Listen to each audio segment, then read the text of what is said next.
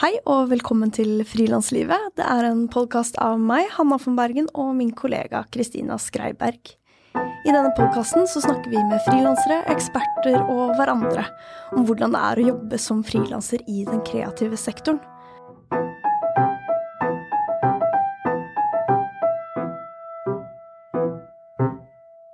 Og dagens gjest det er filmprodusent Nina Barbosa Blad. Nina er vinner av Amandaprisen for beste kortfilm 2017. Hun er utdanna produsent fra Den norske filmskolen og fra SEV i Madrid. Nina driver produksjonsselskapet Barbosa Film sammen med et knippe kule damer, deriblant sin eh, søster. Og deres ambisjon er å produsere kunstneriske og relevante filmer og serier med fokus på å fremheve kvinner. Nina hun er andrekandidat i partiet Feministisk initiativ, og hun har lenge jobbet med å synliggjøre og endre den skjeve balansen mellom kvinner og menn i filmbransjen. Jeg inviterte Nina fordi jeg er nysgjerrig på hvordan det er å frilanse innenfor film.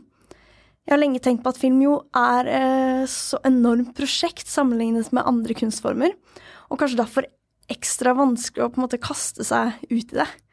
Så hvordan er det egentlig å jobbe frem en film, og hva er Nina sin tanke rundt maktbalansen og skjeve kjønnsbalansen, og hvordan er det å ha bygget sitt eget filmselskap? Så hei, Nina. Hei. Hei. Så fin intro. Jeg er veldig glad. Hyggelig å ha deg her. Takk. Du, for de som ikke kjenner godt til filmbransjen, eh, kanskje vi kan starte ut med å høre litt om hva det innebærer å være en filmprodusent? Ja. Um, filmprodusent er jo Altså, det fins to ledere når det kommer til et filmsett.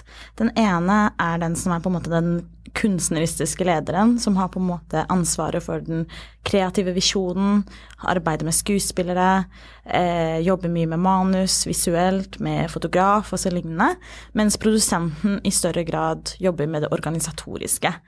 Eh, jobber med finansiering, administrasjon, eh, koordinering, de lange buene, da. Eh, det høres jo ut som de kjedelige oppgavene. Men viktige. Ja, de er veldig viktige. Og selvfølgelig så har produsenten også et veldig viktig arbeid i å bestemme hvilke prosjekter man skal satse på, hvilke hvordan man vil jobbe frem et prosjekt, hvordan man vil jobbe strategisk med et prosjekt. Og når man jobber med det økonomiske og det budsjettmessige ansvaret, så det, er det selvfølgelig sånn at det har mye å si for hvor man er kreativt også. Så, og jeg er jo også veldig Jeg anser meg selv som en kreativ produsent.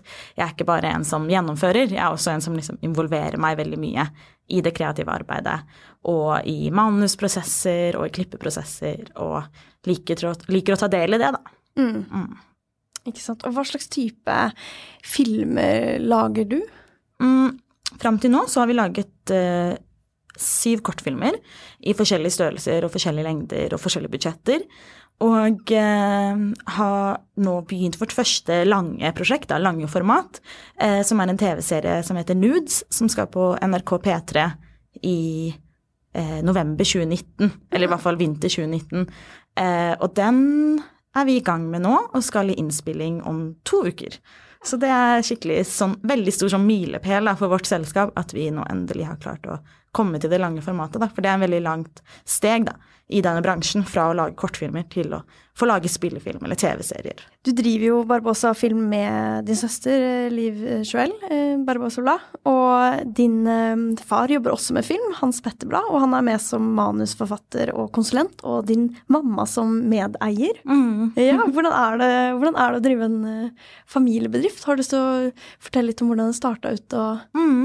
Altså, når jeg har jo vokst opp med kunstnerforeldre. Mamma er fotograf, og pappa er forfatter. Og pappa startet ville bli regissør når han var ung. Og så ble han mannsforfatter, og så snakket han veldig mye om hvor forferdelig filmbransjen var. Så hele barndommen min handlet jo handlet mye om hans frustrasjon om filmbransjen. Og hvordan de på en måte tok manusene hans og gjorde det dårligere, og hvor mye som han hadde skrevet som var helt genialt, men som ikke kom med i filmen, og selvfølgelig masse sånne ting. og og så var det sånn, Jeg husker han skrev en lang artikkel på Morgenbladet som var nærmest sånn herre Jeg snur ryggen til filmen, jeg kommer aldri tilbake. Og det var veldig sånn herre Og han fikk dårlig betalt, og mm. Altså Det var bare masse rot og krøll, og jeg bare syntes det virket som en helt forferdelig bransje. Og jeg tenkte jeg skal i hvert fall ikke jobbe med kunst. Jeg skal jobbe på en ni til fire-jobb, og jeg skal ha en månedslønn. Og, og jeg, jeg, husker jeg kjørte forbi liksom UPC-bygningen, eller Get, eller hva den var, oppe på Nydalen. En sånn stor kontorbygning som jeg bare tenkte sånn Der skal jeg jobbe en gang. Jeg skal ha min pult, og det skal være sånn skikkelig streit, og jeg skal ha mat i kjøleskapet, og masse sånn. Og så var jeg sånn Ville virkelig ikke bli som dem, da. Og så, som når Liv, søstera mi, var 15 år, så sa hun at hun ville bli filmregissør. Og da bare var jeg sånn Herregud, du kan jo ikke det. Det er en kjempeskummel og fæl bransje. Hvordan kan du finne på å gjøre noe så, så skummelt, da? Og da var det bare Liv som bare Hun hadde bestemt seg for det. Det var det hun skulle bli. Og da, bare, da sa jeg sånn Ok, da får jeg bli filmprodusent, da. Og så gjør vi det sammen. Og så bare bestemte vi oss da, som 15- og 17-åringer, at vi skulle gjøre det. Og etter det så begynte vi liksom bare å jobbe i den retningen. Alt vi gjorde var på en måte for å nå det målet. Og heldigvis så likte vi det. Og heldigvis så var vi gode på det også. Så det var jo bare egentlig flaks, da. Men eh, Så da bestemte vi oss for å starte dette selskapet. Og jeg husker liksom på filmskolen så var det veldig mange som bare Du kan ikke jobbe med familie, og det er helt urealistisk. Og at det var veldig sånn herre Og jeg burde egentlig ikke begynne rett som produsent heller. Burde egentlig jobbe som produksjonsleder og så jobbe meg oppover. og var veldig mange som var veldig skeptiske til ideen om Barbosa-film, da. Men vi bare gjorde det, og så fikk vi da den første kortfilmen og begynte å jobbe med, jeg begynte å jobbe som produsent med en gang. Ja, I mitt en eget gang selskap. ferdig utdanna? Ja, Mm. altså mitt eget selskap, og bare jobba mot det. Og, og så er vi her nå. Ja. Som jeg syns har gått ganske bra da, på fire år, liksom. Um, og så Men sånn det å drive med familie altså Jeg syns jeg elsker bare å jobbe med de menneskene jeg trives best med, da. Jeg har ikke lyst til å ha det kjipt på arbeidsplassen min, liksom. Jeg vil at det skal være mennesker som inspirerer meg, og som jeg samarbeider godt med, og, og det gjør jeg med Liv, da. Vi snakker det samme språket, og da slipper kanskje noen sånne på en måte For oss, vi vet at vi digger hverandre. Vi vet at vi respekterer hverandre som filmskapere. Som kommer liksom videre. Kan gå mye fortere inn i kjernen på ting, da. Mm. Mm. Men vi, jo, vi har jo kanskje en tendens til å glemme noen ganger å skryte på hverandre. Fordi vi er så veldig jobb, jobb, jobb. Mens kanskje når jeg jobber med andre, så er jeg sånn Å, herregud, det var utrolig bra det du gjorde der og der. Mens med Liv, mellom meg og Liv, så gjør vi ikke det. Og det er jo noe vi jobber på å bli bedre på, da. Det er som et eh, parforhold. Det er litt sånn. Så der kicka altså liksom storesøstergenet inn med å Mm. beskytte og, Mm. og ja, sånn og ta vare på. Ja, jeg tror det er, liksom, ja, det er et eller annet med produsentrollen og storesøster som bare Det henger i hop. Spennende. Er det, Mm. hvordan er på en måte når det, det var 15 og 17, det var veldig ungt. Eh, Mm. Veldig interessant at Liv hadde lyst til å gå inn i denne bransjen etter, Ja, etter, etter oppveksten. ja. Men eh, er det, er det sånn du trodde at det kom til å være? Mm, jeg tror jo på en måte For min del så er det jo sånn Jeg hadde jo ikke jeg, Altså, jeg, ser, jeg så for meg et sånn kunstnerliv, da, hvis du skjønner. Jeg så for meg at man liksom diskuterte kunst og leste liksom eh, masse litteratur og så fransk nybølgefilmer og drakk rødvin og ja. Så liksom, jeg ble jo litt sånn skuffa når jeg kom på filmskolen, og det var så veldig ryddig, og folk var så veldig sånn jeg følte at det var litt sånn streitere enn det jeg hadde trodd, da. Og så, så kommer man jo ut i bransjen, og så var det litt av begge deler. Så jeg føler jo at det er Det er sånn business-del av bransjen, og så er det litt mer sånn de som er litt sånn Ja, det er litt sånn begge deler. Men, øhm, men at det er Jeg tror liksom Jeg visste jo at det kom til å være hardt arbeid, liksom. Jeg så jo det på pappa og mamma som kunstnere, og jeg hadde ikke noe sånn idealistisk forhold til hva det ville si å lage film og jobbe med film. Så, så, det ble, så sånn sett så var det jo bare veldig det jeg hadde tenkt, da. At det ble veldig mye hardt arbeid. Det er utrolig spennende at du bare gikk rett fra skolen til å starte Mm. et selskap og jobbe, Ja, jobbe altså, i det. Jeg starta jo selskapet, og så jobbet jeg restaurant, i restaurantbransjen parallelt i kanskje et halvt år. Og så ble vi ferdig med den første kortfilmen, og så var det jo sånn eksistensiell krise. Bare sånn Hva skal vi gjøre nå? Herregud, vi har starta dette selskapet, og jeg visste ikke helt hva jeg skulle gjøre. Så begynte jeg å jobbe på et litt større produksjonsselskap som het Misofilm Norge, eh, og parallelt drev selskapet i en sånn utviklingsperiode med flere forskjellige prosjekter. Eh, og så fikk vi to kortfilmer opp å stå mens jeg jobbet på Misofilm. Eh, den ene var min søster, og den andre heter Manifest. Som var via en ordning som heter Nye Veier, som er en talentsatsing til Norsk Filminstitutt. Hvor man har et budsjett på 1,5 million for å lage en kortfilm. Um, så de to filmene gjorde jeg mens jeg jobba på Misofilm. Så for ett og et halvt år siden slutta jeg jobben på Misofilm, som var en sånn 80% stilling eller noe sånt, um, og begynte 100% på Barbosa Film. Ja. Og i den perioden så gjorde jeg også om selskapet fra et enkeltmannsforetak til et AS. Ja. Mm. ja, for hvordan eh, Det er jo Et av mine spørsmål var um, Det her med film er veldig Det krever mye ressurser, det krever mye penger mye folk, eh, og derfor er det jo ganske stor risiko, kanskje sammenlignet med en del andre kunstformer. Eh, og hvordan var det å drive det med et eh, enkeltpersonsforetak versus nå, da, når du har et mm. AS? Ja, altså det var jo bare veldig overveldende. Det syns jeg fortsatt det er noen ganger. Å liksom bare gå inn på kontoen og bare oi, oi, oi, her er det en og en halv million, eller at det er disse store summene som jeg egentlig personlig har ansvar for. Selv om jeg er et AS, så har jeg jo på en måte det ansvaret overfor instituttet og overfor eh, mine medarbeidere og sånn her. Så det er jo liksom Det er noe som er litt sånn rart ved det. Eh, men samtidig så har jeg veldig sånn Jeg er veldig glad i økonomi, jeg er veldig glad i regnskap, alt det der. Så jeg har liksom Jeg føler meg på en måte trygg på det for det, at det går bra. Men mer den der følelsen av at eh, det å finansiere opp de prosjektene er ofte veldig utfordrende. Sånn som f.eks. en kortfilm vi skal lage nå som heter The Manila Lover, med regi av Johanna Pykke. Da er det et budsjett på egentlig skulle være på 1,6 millioner, og så fikk vi 1,3. Og, og da fikk vi fra Norsk Filminstitutt og Fond for lyd og bilde prosjektstøtte. Men da er det bare sånn, da er vi egentlig underbudsjettert, og så skal vi gå i gang med produksjon hvor de skal til Manila, og det er liksom veldig, veldig store ambisjoner, og det er det alltid i disse i kortfilmer og filmer og alt vi lager, så er jo alltid ambisjoner veldig store. Og det å på en måte ja, holde det under kontroll, det er ofte eh, utfordrende. ja, å balansere den der ja, visjonen ja, med, det med det pragmatiske og ja. økonomiske. Fordi da er det jo Da må man enten finne mer midler eller kutte. Mm. 300 000 fra planen. Ja. Så det er jo Ja. Det er jo Jeg ser for meg at det er utfordrende, og i hvert fall når det blir så Ja, så store summer. Eh, mm. Men følte at, du, jeg følte at filmskolen forberedte deg godt på, på livet i, i bransjen. Jeg rister på hodet. Gjør noen skoler det? ja.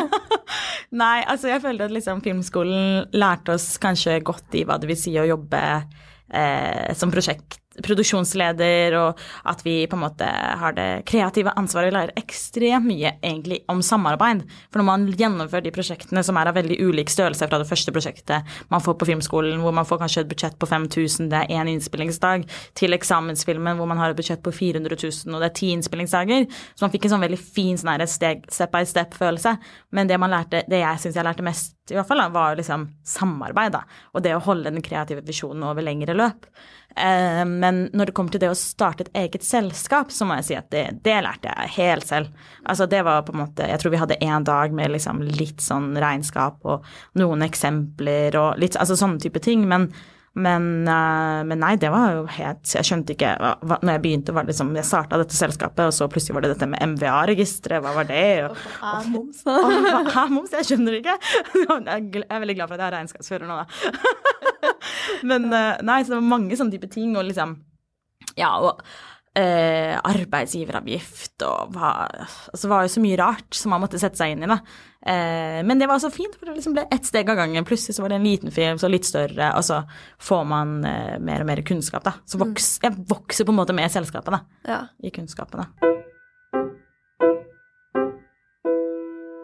Det virker som du er uh, veldig aktiv, uh, og at får til mye. Jeg skriver veldig mye artikler og eh, på en måte ser det rundt omkring på eventer, og eh, dere har lagd mye kortfilm. Eh, hva, jeg er litt sånn nysgjerrig på hva, hva driver deg? Hva, hva kjennes liksom viktig ut i, i arbeidet? Mm, ja, altså i, øh, Jeg tror at jeg drives veldig av denne her følelsen av at liksom, jeg skal få det til, på en måte. Sånn, det var mange som ikke trodde på meg, men jeg skal få det til likevel. Altså sånn eh, Jeg vet ikke om det er sånn der motbevise. Jeg skal motbevise. Ja, men motbevise, Hvorfor var det ikke folk som trodde på det? Nei, men For filmskolen, for eksempel, så var det liksom folk som bare Ja, du får ikke til å jobbe med familie, og folk som hadde liksom Altså sånn på en måte, Av en eller annen merkelig grunn så har liksom Vibeke Løkkeberg kommet fram liksom en milliard ganger når jeg sier at jeg skal jobbe med søstera mi, på en måte. Det er Vibeke Løkkeberg jobbet med familien sin, og så var det noe kluss med det. Og så er det sånn Nei, man kan ikke jobbe med familie i filmbransjen. Um, mye, jeg føler at det var, var, utrolig mye motstand ofte når jeg snakket om det i begynnelsen. Nå er det jo gått over. Nå, nå, skjønner folk at det går helt fint å jobbe med familie, og for vår del i hvert fall. Og det er bare sånn Men et eller annet med at eh, så begynte jeg liksom å tenke på sånn Men hva faen, det er så jævlig mange brødre i filmbransjen. altså Cohen-brødrene, Darden-brødrene, Almodovar-brødrene. Her i Norge har vi Henrik Martin Dalsbakken og Oskar Dalsbakken og Gulbrandsen-brødre. Altså det er mange brødre, da. Så da bare ble jeg sånn Faen, skal faen meg være noen søstre òg, ass. Ja, hvorfor skal det være forskjellig? Ja, jeg vet ikke. Jeg tror For meg så tror jeg det er noe en eller annen sånn litt sexistisk holdning som ligger til grunnen for en sånn type eh, bemerkning. Da. At man liksom bare tror automatisk at kvinner er, er hverandre verst, ikke sant. Sånne type ting. Eh, at eh, jenter, ja, damer har vanskelig for å samarbeide. I don't know. Et eller annet sånt, da. Fordi jeg bare følte at det var liksom Det kom ofte opp, da. Uh, men det, så det er en sånn drivkraft, da, Jeg motbevise. Ja. Uh, det var en sterk, sterk drivkraft. Ja, det var det første som kom opp, så det må jo være noe der. Og så er det jo selvfølgelig liksom at man faktisk vil gjøre en reell endring, da. Jeg kom jo ut fra, nei, fra filmskolen og tenkte liksom ja, det er noe litt skjev balanse her. Men når man kommer ut og så ser man liksom hvordan det egentlig er, og når man begynner å bli kjent med tallene og ser at liksom det er på en måte 30-70 når det kommer til spillefilm, eh, og at damer ofte får barnefilmer og dokumentarfilmer og smalere kunstnerfilm, men jo større budsjett, jo større sjanse for at det er menn. ikke sant? Eh, autørfilmen er ofte menn. Og så på en måte se ja, hvor mange kvinner er det som har vunnet Oscar og Cannes og Altså det er på en måte en bransje som virkelig er i helt sånn, hvor det ikke er i balanse i det hele tatt. Så, så blir det jo også en motivasjon for vår del at vi vil endre det, da. Eh, det er kjempestor motivasjon. Og så er det vel bare det der med å skape noe fra begynnelse til slutt, da, som er sikkert noe som mange av oss frilansere liker, da.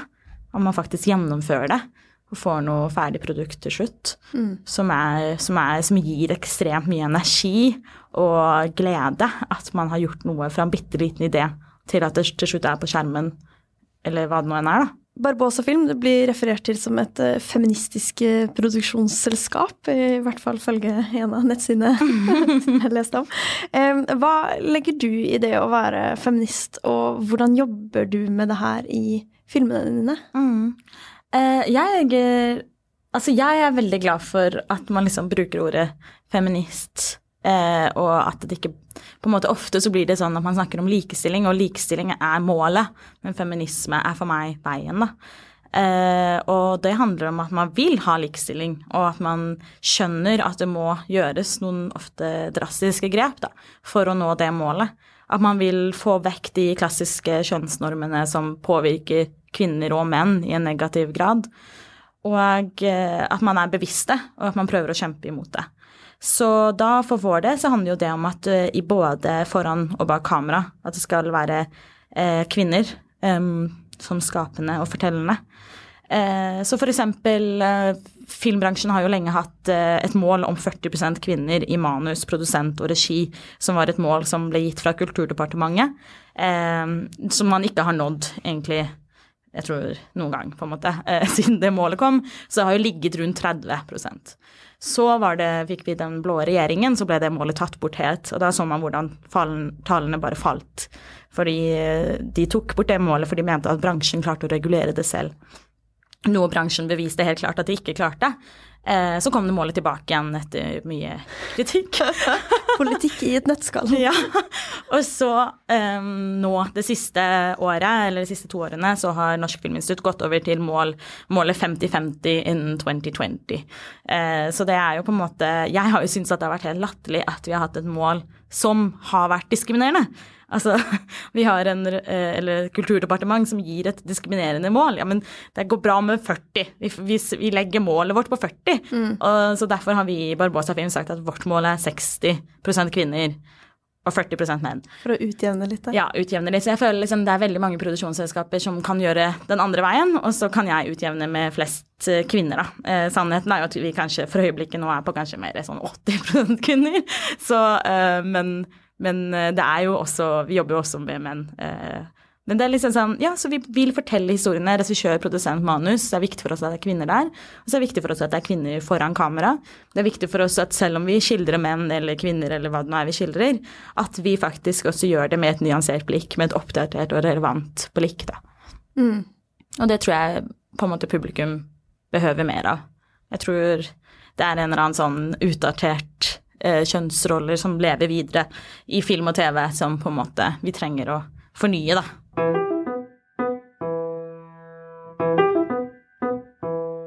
For du har jo skrevet og snakka mye om eh, kjønnsbalansen i filmbransjen.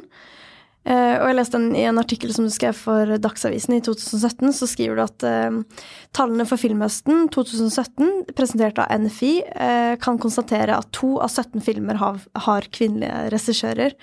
Og at eh, blant Amanda-vinnerne er det 94% menn og 6 kvinner. Eh, altså, hvorfor tror du at det er så skjevt? Mm. Altså, jeg tror jo det er jo mange år med lite fokus på dette.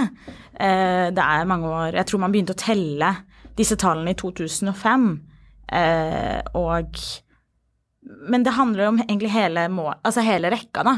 Det handler om eh, barneskole, gi jentene et kamera i hånda, og at man tester ut å spille både gutter og jenter. At liksom alt det der bare på barneskolen begynner å si at dette her er en mulig bransje for deg også, og at disse får noen kvinnelige idoler, noen de kan se opp til som kommer, og det er jo liksom kulturelle skolesekken og sånt gjør et kjempeviktig arbeid i å lære barn at de kan jobbe med film, men det handler om å ha masse kvinner der også. På filmskolen syns jeg man burde gjøre eh, egentlig radikal kvotering, men i hvert fall moderat kvotering, og passe på at det er like mange kvinner og menn, for det er publikummet i den, i den siste enden som kommer til å nyte dette kulturproduktet som blir laget, og da er det viktig at det, hele befolkningen føler seg representert. Og, er, og, så er det store summer også, ikke sant. Så det er liksom sånn når man på en måte gjør en satsing, og det er jo derfor, man, det, er derfor det har sikkert blitt sånn som det har blitt, fordi det har jo vært eh, mindre kvinner enn menn som blir utdannet fra filmskolen, og så kommer man ut, og så er de fleste juryer blir mer menn enn kvinner, og så eh, utvalg osv. osv. Så, videre, og så, så alle de tingene har jo noe å si på hvem som blir trodd på, hvem som blir satsa på, da. Eh, og så tenker jeg at eh, jo større summer, jo større redsel for å satse på noen, da.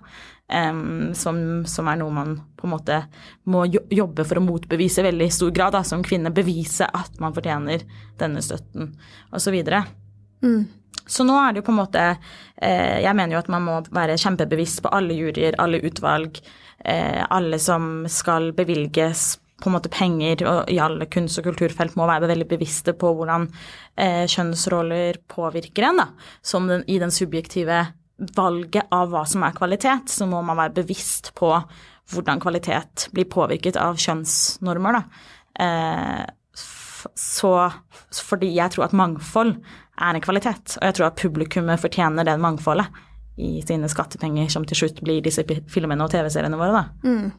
Hva tror du den skjeve balansen gjør med, med maktbalansen i bransjen? Altså, du har også skrevet at hverdagstrakassering og sexisme er utbredt i filmbransjen. Uh, og da er jeg liksom nysgjerrig på hva, hva, tenker du er, er effektene av, av, de her strukturene som mm. ligger mm. til grunn? Altså, jeg syns hun eh, kulturministeren i Sverige sa det skikkelig bra på en sånn foredrag jeg var på i Stockholm. Hun sa at eh, har, når man ser på, på, kortfilmer, da, eller man ser på de første stegene i en filmutdannet person sin karriere, eh, så ser man at liksom, da er det egentlig 50-50 kvinner og menn. Men så er det liksom det steget derfra til den første spillefilmen, der faller nesten Da går det tallet fra liksom 50% til kanskje 30 Så vi har liksom 20 som på en måte forsvinner, som faller av. Og jeg tror noe av det er at vi lever i en filmbransje Filmbransjen er veldig tøff. Det er lange arbeidsdager, eh, filmarbeidere Det er kanskje noen ganger vanskelig å kombinere med familieliv, som ofte tilegnet, blir tilegnet kvinner i større grad. og det å kombinere de to er på en måte kanskje vanskeligere, og vi må jobbe for å skape en bransje som, hvor man kan få til et familieliv. Eh, men så tror jeg også at det, det er metoo, altså det metoo kommer fra. At det er mange kvinner som har kommet inn i den bransjen her og blitt trakassert, blitt mobbet, blitt sett ned på, og derfor sier fuck it. Hvorfor skal jeg gjøre dette her? Det fins mange andre bransjer. Og det kjenner jeg flere som snakker om. Og det å komme inn i et rom eh, for ja, ikke sant for eh, Det er jo fortsatt mange rom hvor det er mange menn eh, i filmbransjen, men kanskje i større grad for ti år siden. Og det å komme inn der og føle at man ikke blir tatt på alvor, det, det, er, det tar på, da. Jeg skjønner at man på en måte trekker seg unna da. Mm. Eh, og det, da blir det færre kvinner, og da blir det færre på en måte folk man kan se opp til. Da. Og jeg tror eh, liksom, rollemodeller er dritviktig. Jeg tror ikke jeg hadde blitt produsent hvis ikke en av pappa sine venner som heter Synnøve Hørsdal, som driver Maipo, hvis, hadde, hvis, ikke jeg hadde sett henne. Hvis jeg ikke hadde sett at en, liksom, en kvinne kan drive et produksjonsselskap og lage film og alt sånt der. Jeg tror det var dritviktig for at jeg på en måte turte eller i det hele tatt tenkte at det var en mulighet. Og Derfor så tror jeg at liksom den sexismen og alt sånt gjør jo at vi har fått At det har vært færre kvinner som har blitt, da. Hva tror du Eller har det, har det endra seg etter metoo-bevegelsen? Ser du noe mm. forskjell der? Mm. Jeg tror det har endra seg helt uh, Altså kjempemye. Jeg tror det kommer virkelig til å være en før og etter, på en måte. Uh, og det her kan jeg jo snakke i mange timer om det her, men altså, det er bare sånn et eller annet med at vi kan snakke om det åpent. Og det å se den kraften når kvinner står samlet og sier 'dette har skjedd', og det, sånn skal det ikke være lenger, det syns jeg bare er helt uh, utrolig. Men det er jo også på en måte store endringer som skal til. Det skjer ikke over natten. Man må fortsette å jobbe i den retningen, på en måte. Så tror jeg ikke nødvendigvis at på en måte trakasserende oppførsel og sånne type ting har forsvunnet helt. Jeg tror på en måte det finnes fortsatt mye eh, sånne type ting som, som skjer. Og jeg har jo hørt om tilfeller etter metoo også. Eh, så det er jo bare noe med at man Det må bli tydeliggjort. Fortsette å snakke sånn. Den eneste måten vi kan bekjempe det her, er jo fortsette å snakke om det. Hva skjer eh, når man blir utsatt for sånne type ting? Hvem er det man skal snakke med? Hvor går man? Eh, hvordan skal man som leder takle det? Eh, fortsette å opplære folk i disse tingene, da. Men, eh, men jeg syns definitivt det er en kjempestor forskjell. Og så, og så syns jeg jo det er jævlig kjipt når man hører om liksom den, måte, folk som sier sånn 'nå syns jeg metoo har gått for langt', eller sånne type påstander syns jeg bare er eh, på en måte så latterlig når det er snakk om så mange hundre år, liksom, eller i hvert fall så lange perioder og så mange menneskeliv som har blitt påvirket da, mm. av det. da. Og så mange kvinner som mest sannsynlig har trukket seg unna en arbeidsplass pga. sånne ubehagelige opplevelser. da. Ja, for det er jo en kultur som man tenker at uh, både menn og kvinner ikke har lyst på. Mm. Eh, og jeg kan jo forstå at det kan oppleves som hardt. Altså sånn Feminisme i Norge har jo ikke kommet like langt som kanskje en del andre, f.eks. Sverige. Mm. Eh, Sverige og Island, det er vel egentlig de. hvor man, man, kanskje ser på feminisme på ulike måter, selv om det handler om akkurat det samme. Og det handler om å skape et fint samfunn like mye for menn som for kvinner. Altså, mm. eh, og, men det kommer jo fra en bakgrunn hvor kvinner har vært undertrykt. Og, mm. eh, så det er jo hele grunnen til at det heter feminisme, mm. på en måte. Ja. Um, jeg har jo møtt mange som bare Hvorfor kan dere kalle dere ekvivalist Eller altså, ja. Men, ja. Jeg bare Men hæ?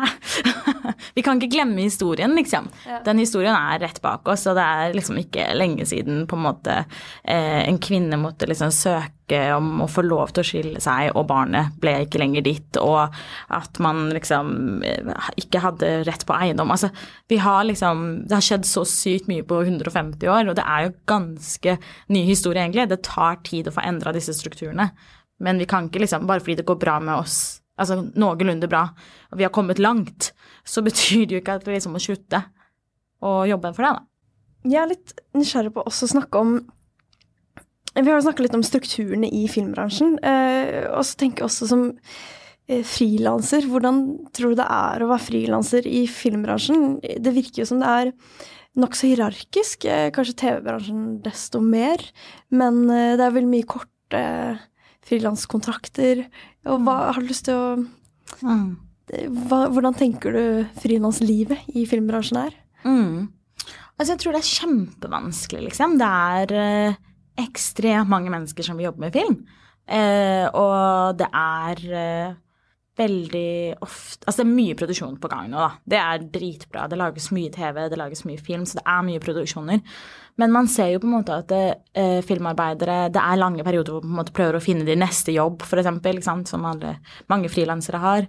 Og mange filmarbeidere er jo veldig avhengig av at andre vil jobbe med en, da, på en måte. Um, andre får prosjektene sine opp å stå. Som fotograf, f.eks., så er det ikke like Altså, du går kanskje ikke ut og lager din egen film, på en måte. Du vil jo gjerne at en regissør skal kontakte deg, osv., osv. Så, videre, og så, så det blir en veldig sånn herre Hvem kjenner man? Og litt sånne type strukturer, da.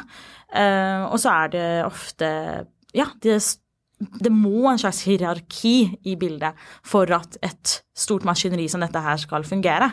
Eh, og da med liksom altså regi og produsenten på en måte på øverste leddet, og så liksom eh, Så man ser jo f.eks. Eh, produksjonsassistenter har jo ofte de som blir kjørt hardest for dårligste lønninger, ofte sier kanskje ja til ting som de Fordi de, man vil så gjerne ha sin neste jobb.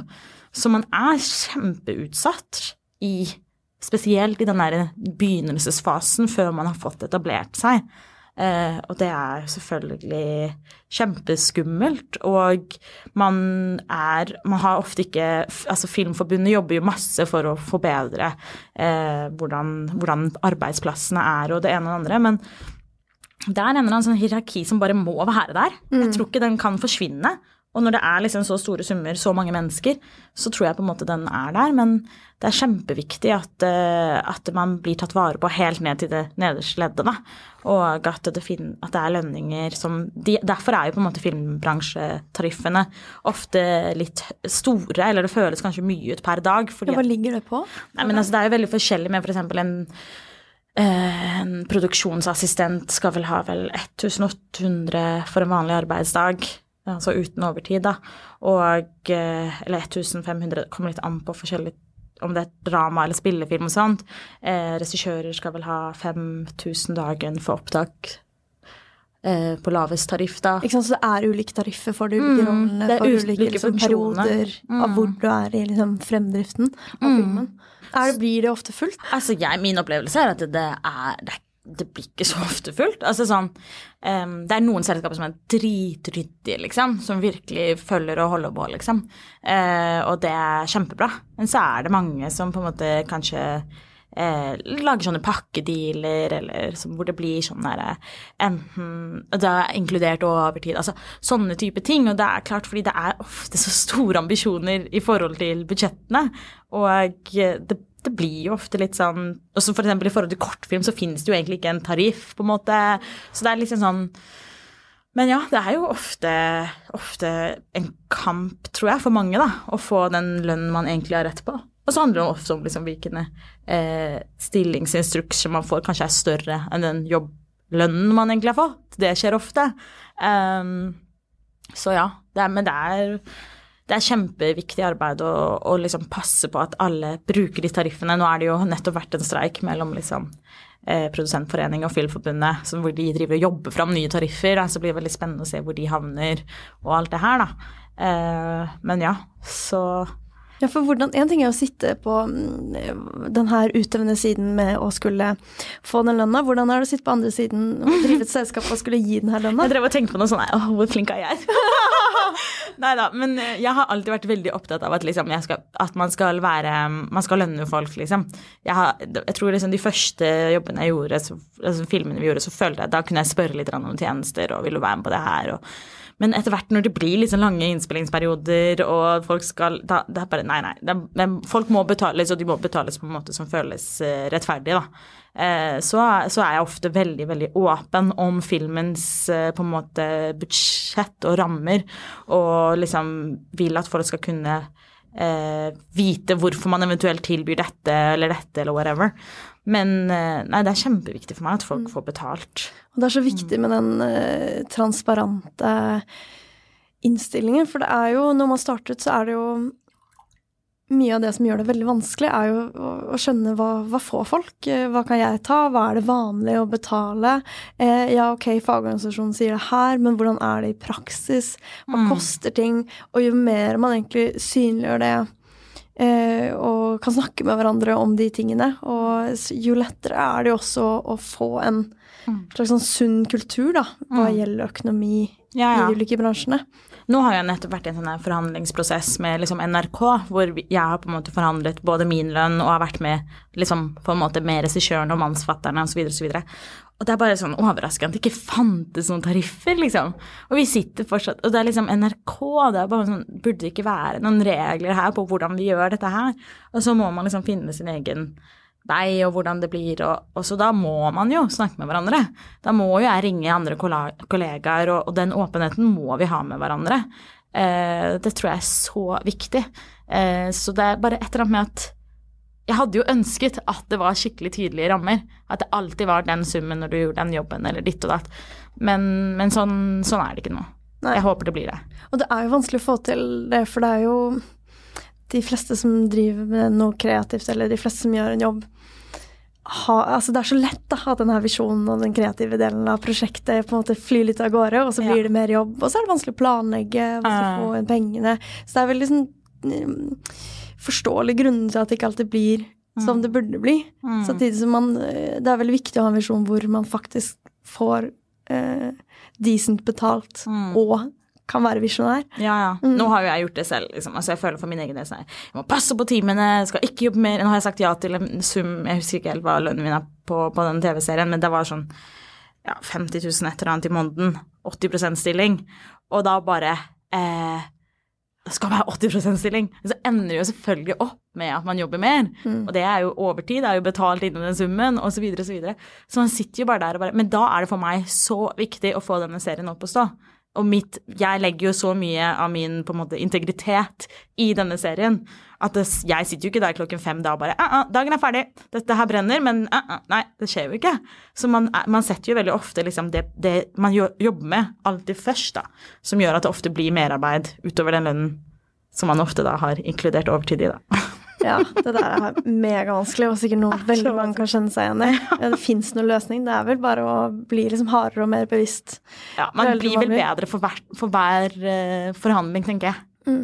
Men det å snakke med hverandre jo, Syns jeg noen ting skal få lov til å på en måte være frivillig og eh, det er litt sånn Men da er det litt sånn hvordan er eh, foreningen eller bedriften, eller hvordan er det mm. bygd opp? Hvem andre jobber frivillig? Er det mm. liksom følelse Det er noe med det føles det rettferdig ut. Mm, det er det. Eh, det er og det er veldig viktig. Ja.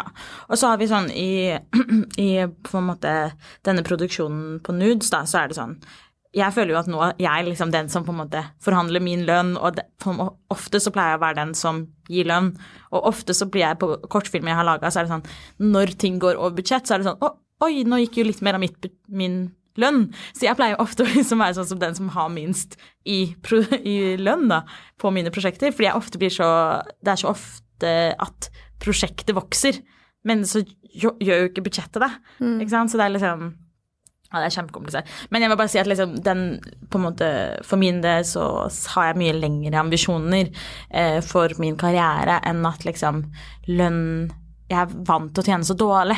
Hvis du skjønner? Jeg har liksom vokst opp med kunstnerforeldre og har aldri hatt en jeg har aldri hatt den der ambisjonen om å bli rik. Det er ikke på en måte skal, Det skal gå rundt, liksom. Mm. Og det tror jeg kommer til å ta litt tid. Og det, er, det, det går bra.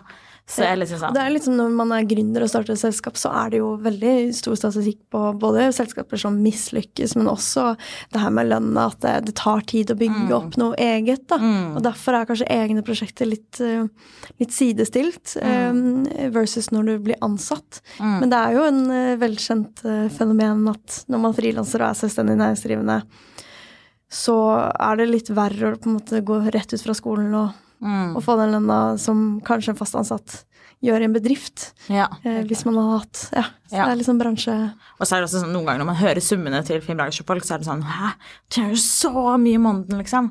Og så er det sånn Ja, men det er jo lange venteperioder til neste prosjekt, ikke sant. Og man veit aldri når det kommer opp igjen. Og i tillegg så finnes det jo også dette rettighetsutkjøp problematikken eller spørsmålet, som er liksom som kunstner, så har man jo også gitt et eh, liksom Man må få et vederlag for det kreative åndsverket man har inni her, da. Mm. Som ofte gjør at summene liksom blir større.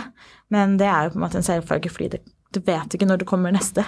Og det er kjempe, kjempe Det kan ikke sammenlignes med hva det vil si å jobbe i en fast jobb på et eller annet kontor, da. Nei, du kan ikke se på time eller uke eller måned, men begynne å se på sånn år, året. Mm. Eh, og litt da sånn over tid. Da begynner man å nærme mm. seg litt, ja. hva er det viktigste du har lært gjennom måte, de siste årene med å bygge opp et selskap og, og det å, å, drive frem eh, så mange ulike prosjekter? Hmm. Um, nei, altså, jeg har jo egentlig bare lært at det går, på en måte. Det er veldig mye jobb. Jeg har lært at jeg må ta veldig mye var mer vare på meg selv da, i det. Mm, at uh, det tærer på en måte litt på, liksom. Jeg er litt sånn redd for å noen ganger Jeg liker det ikke så veldig godt når folk sier sånn 'Å, du gjør så mye, det går så bra', la, la, la. For jeg vet jo for min egen del at jeg, blir veldig, at jeg er veldig sliten også, liksom. Og at det er veldig mye jobb, og at jeg liksom har blitt mye mer flink på liksom radical self-care, som jeg liker å kalle det, liksom. Hvordan har du jobba med det? Nei, så jeg på en måte ble litt uh, For ett og et halvt år siden så ble jeg deprimert. Det er jo på en måte ikke bare pga. jobbmengden, men det hadde nok mye med saken å gjøre. Det var jo også liksom eh, brudd og kjærlighetsbrudd og sånne type ting. Men da begynte jeg å gå til psykolog og begynte å jobbe mye mer med meg selv, da. Og ta vare på meg selv i det arbeidspresset jeg er i, da. Eh, og det tenker jeg at det er, liksom, det er viktig for meg å liksom snakke om det òg. Fordi jeg føler at man Hvis ikke så blir det bare sånn her eh, helteskikkelse som får til alt, og det er bare sånn det er liksom, Alle som kjenner meg nært, vet at det er ikke sannheten i det hele tatt. Mm. Og jeg er en type produsent og en type sjef som også er veldig ærlig, og som tør å innrømme svakhet, og som tør å innrømme at vet du, det her har jeg ikke fått til noe, eller dette her trenger jeg hjelp med. Og det finnes ganger hvor eh, Liv, søstera mi, plutselig bare skjønner at nå er det mye, og da plutselig setter seg ved siden av meg og hjelper meg å gå gjennom 60 mails, liksom, fordi jeg bare er sånn Nå får jeg det ikke til på en måte. Men jeg har i hvert fall blitt veldig flink til å si sånn herre eh, Jeg kan klare dette her, men jeg må ha eh, tålmodighet med meg selv, da. Mm. Være litt raus med seg sjøl. Ja. Så jeg må på en måte det, liksom, det, tror jeg er det viktigste jeg har lært det siste året. Da. Ja, det er bra med store ambisjoner, og det er bra å jobbe veldig mye, men man må eh, også ta den tiden til å eh, samle seg. Ta den tiden til å på en måte eh, få hodet over vann. Da. Jeg tror man mm. vokser veldig mye i de prosessene hvor man kaver litt, sånn kunstnerisk og, og liksom arbeidsmessig. Men, men, man kan ikke være der for lenge, på en måte. Så det er veldig, veldig viktig. Og så, så har jeg lært liksom at herregud, det at vi har fått inn den TV-serien her nå med NRK, f.eks., det viser jo liksom at det er plass for oss. Og jeg mener virkelig at det er plass for et selskap som Barbosa Film, da, som er litt annerledes enn mange av de selskapene som har vært der veldig lenge, og som på en måte Ja. Jeg føler at liksom det er kult å ha litt sånn en enfant terrible som kommer fra siden, og som gjør litt sånn sin egen greie. Um, ja. Mm. Det blir spennende å følge med ja. videre. Gå inn og sjekke ut Barbosa film. Der ligger det noen kortfilmer eh, som jeg bare så på i går. Eh, så det var veldig, veldig, veldig fine. Veldig bra. Så det, jeg skal i hvert fall oppsøke kortfilm litt uh, mer i fremtiden. Det er bra. Yes. Uh, tusen takk uh, for at du kom hit i dag. Ja, takk for praten. ha det. Ha det. Den 13. november klokken ett på Kulturhuset, som en del av kontordagen for musikere, så har vi en, et live-event med podkasten Frilanslivet, hvor vi skal intervjue regnskapsfører Ole Ramsdal om regnskap. Mer spesifikt enkeltpersonsforetak versus AS. Ha det.